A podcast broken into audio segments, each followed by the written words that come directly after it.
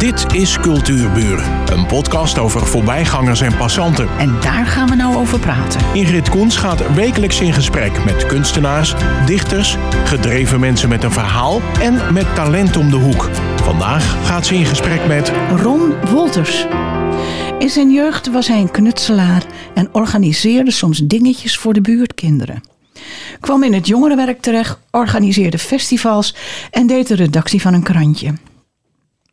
Het theater De Willem in Papendrecht bracht hij tot bloei toen hij daar directeur werd. En in 2000 werd hij directeur van Museum Broekerveiling. Nu is hij voorzitter van de Stichting Lief Lange Dijk. En als je hem nu vraagt, wat doe je zoal? Zegt hij, ik ben presentator, cultuuradviseur, bemoeial, spraakmaker, quizmaster en acteur. Ron, was de jeugd in jouw tijd anders? Uh, nou, in ieder geval, hij was zoals mijn jeugd was. En als ik kijk naar de jeugd nu, dan denk ik dat er heel veel parallellen zijn. Um, maar dat er ook andere dingen waren natuurlijk. Het, het was, uh, ik heb heel veel op straat gespeeld. En dat gebeurt denk ik nu uh, wat minder. Mm -hmm. Ik heb heel veel zelf mogen uitzoeken en ontdekken. En ik ging altijd met mijn vrienden op avonturen. En dan mocht je hele middagen weg zijn. En dan kwam je eens terug voor het eten. En dan, uh, dat, dan had je een hele dag avontuur beleefd op, uh, op de kindermanier. Maar omdat je dus ook organiseerde dingetjes voor de jeugd. Wat, wat waren dat voor dingetjes? Ja, dan deed ik achter in de tuin had ik ineens een, een soort circus gebouwd. en ja, heel, uiteraard heel eenvoudig, ook als kind. En met wat, wat, wat spelletjes erin. En dan mochten de buurtkinderen daaraan meedoen. En daar zat natuurlijk een poppenkast bij. Oh ja, hoe leuk is dat? Ja, en dat vond ik toen op een of andere manier al leuk om voor het publiek dingetjes te doen. En te organiseren en te kijken naar het publiek, hoe het publiek het naar, het, naar de zin had. En reageerde. En reageerde. Ja, ja, ja, en, ja. En het circuitje wat ik had bedacht afliep met allerlei leuke dingetjes. En dat er gelachen werd. Ja. Uh, je was schouwburgdirecteur. Hoe word je dat? Ja, dat, dat, dat, dat is. Mijn, mijn hele carrière heeft zich in die zin wat organisch uh, voltrokken. Um, ik werkte in het jongerenwerk. En dat was gekomen omdat ik daar graag kwam. En als vrijwilliger dingetjes begon te doen. En toen op een gegeven moment was er natuurlijk een bestuursfunctie. En Ron, jij bent zo handig en wil je niet in het bestuur? En vervolgens was er een baan vrij. En toen kwam ik in dienst van het jongerencentrum. En toen was ik ineens jongerenwerker. En moest ik een opleidingje gaan doen wat dat betreft. En uiteindelijk, ja, dat ze dicht tegen de gemeente aan. En de gemeente had wat culturele ambities destijds. De gemeente Papendrecht praat ik nu over. En die gemeente, uh, daar kwam ook een vacature. En toen heb ik daarop gesolliciteerd. En ik kende het dorp en ik kende het publiek. En toen uh, was ik, uh, na twee jaar dat gedaan te hebben, toen ging de toenmalige directeur van het pas geopende theater, die ging weg. Die kreeg een andere baan elders. En ik was de enige die daar wat van wist. Dus ja, wie moet dan die sleutels in zijn zak? Dat was ik. En wie moet dan het programma verder afmaken? Ja, dat was ik. En wie moest die voorstelling begeleiden? Nou, zo simpel als dat ik het nu vertel, ging het ook.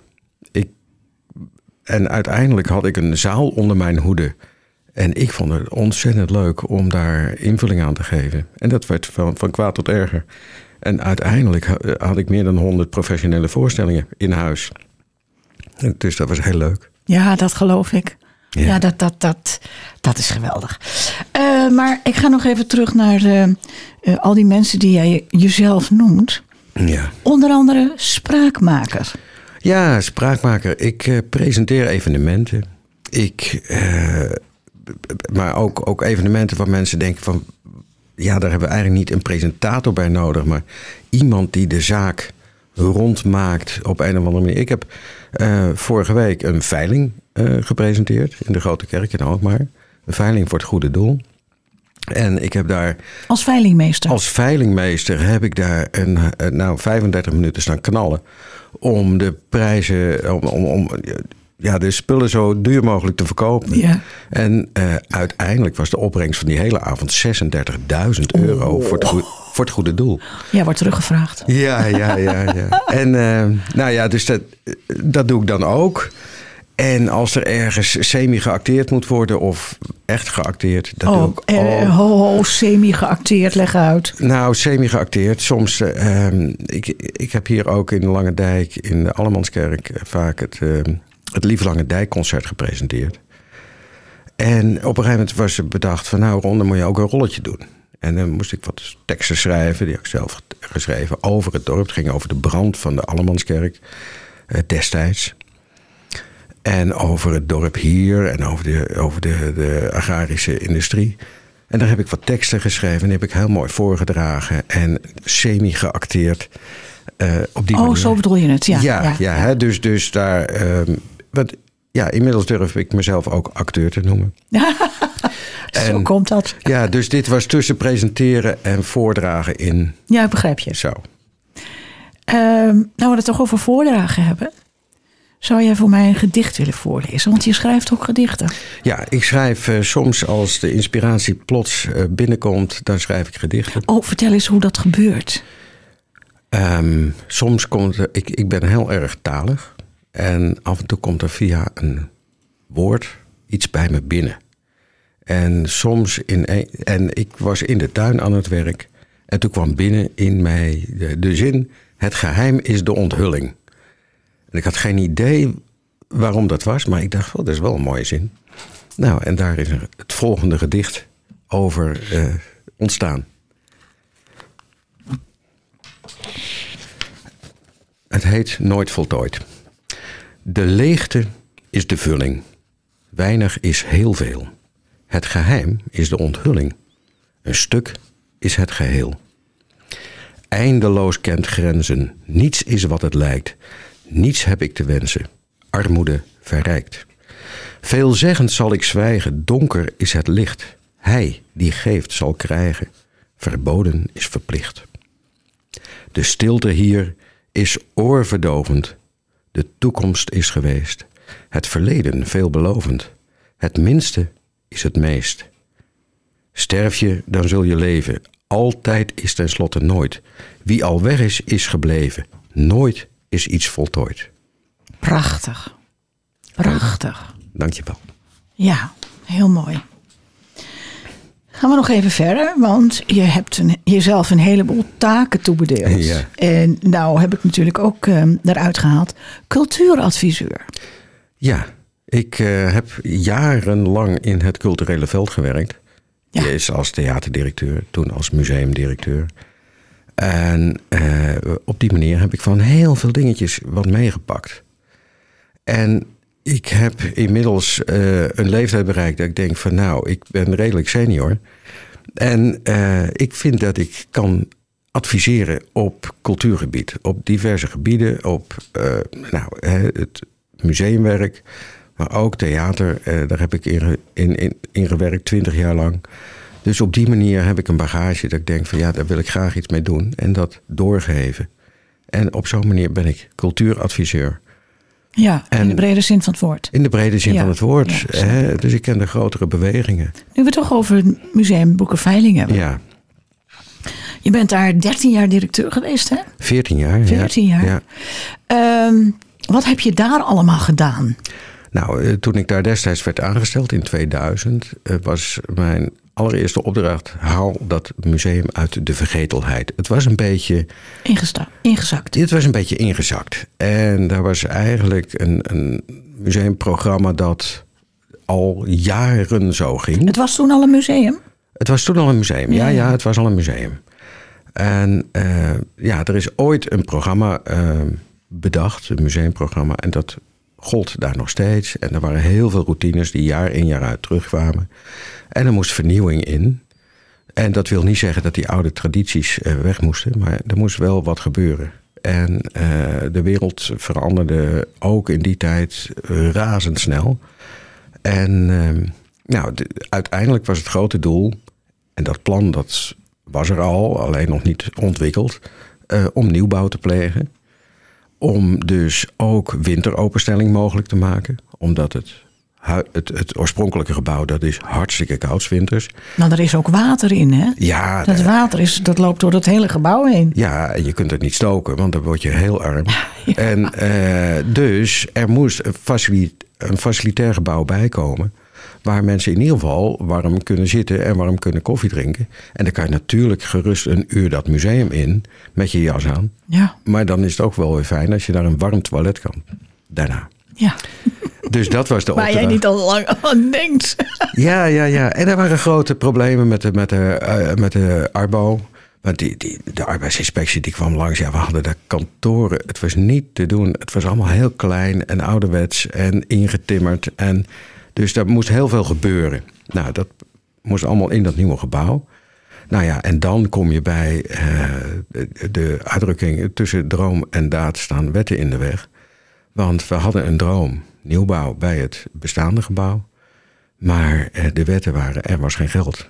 En dat is wel de rode draad geweest in mijn carrière in het museum. Dat, Dat geloof ik, ja. er was geen geld. En dat geld moest ergens vandaan komen. Ik had ook een ongelooflijk goed bestuur destijds.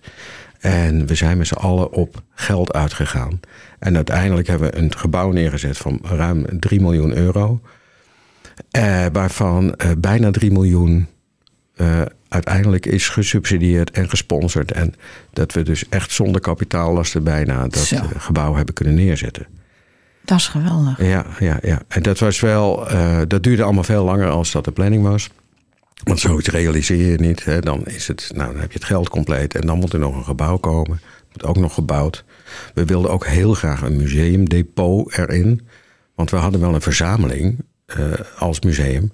Maar de verzameling van objecten, die stond in het hele dorp. Wat, zijn- wat waren dat allemaal voor, voor dingen? Nou, denk aan oude agrarische voorwerpen, eh, gereedschappen. Ehm, heel veel kleding. Oh ja, Ja, kleding, Ja, dat soort zaken. ja. En we hadden geen enkele plek om dat op te slaan. Dus dat lag bij allemaal mensen op zolder. En dat was dan formeel van het museum. Maar we hadden geen idee waar het was en wat het was.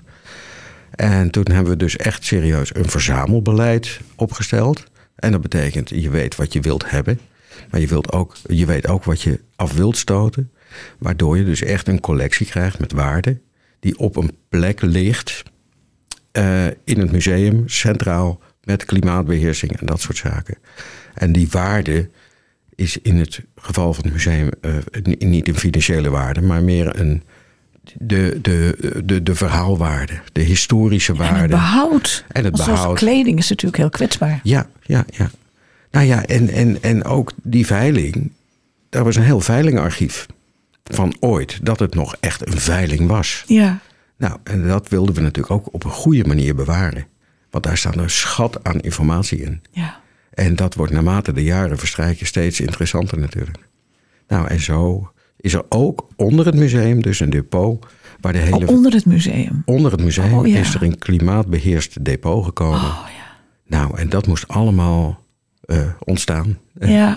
En het is er nu. Ja, geweldig. Dus je bent wel een beetje tevreden. Ik ben ontzettend trots op die periode. Maar, maar ja. dat, eh, dat, de, die activiteiten, wat heb je daar aan moeten doen om dat weer een beetje ja, naar de tijd toe te halen? Nou, eh, ehm, bij- bijvoorbeeld eh, zijn we veel meer gaan doen destijds al in combinatie met de horeca die we hadden. Dus paasbrunches en dat soort zaken. Dus een be- beetje meer die, die commerciële kant van de zaak. Maar ook inhoudelijke zaken, zoals het Eerstelingenfestival. Hè, het Eersteling, dat is dat aardappeltje. Oh ja. Dus daar hebben we een festivalletje omheen georganiseerd. Ehm, we, we hebben heel veel eh, inhoud gegeven aan, aan de kinderprogrammering. Uiteindelijk is er na mijn tijd ehm, is er ook eh, die, die trend die is doorgezet, waardoor er nu nog veel meer eh, goede faciliteiten zijn voor het publiek. Ik wilde destijds al ongelooflijk graag een elektrische rondvaartboot.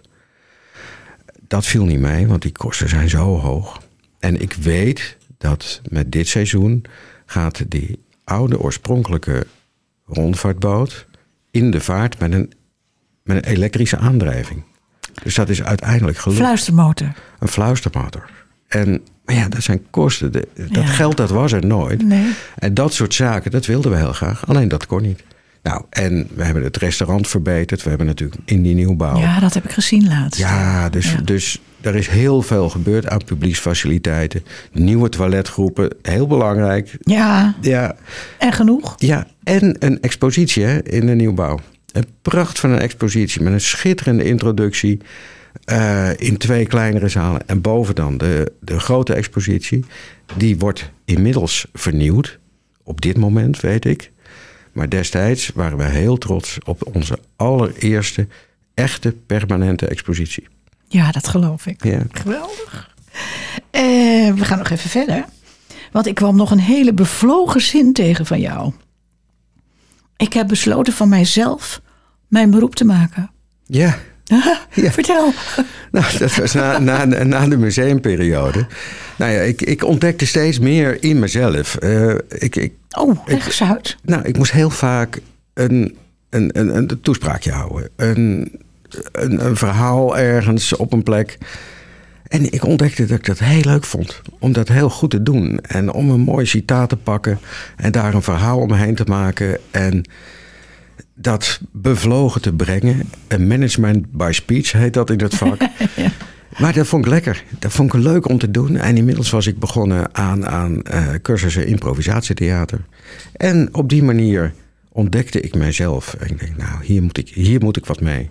Dat En- bestaat, cursus eh, improvisatietheater. Ja, ja, ja, die Daar bestaan. had ik ook nog een vraag over. Dan moet ik Ja. even kijken.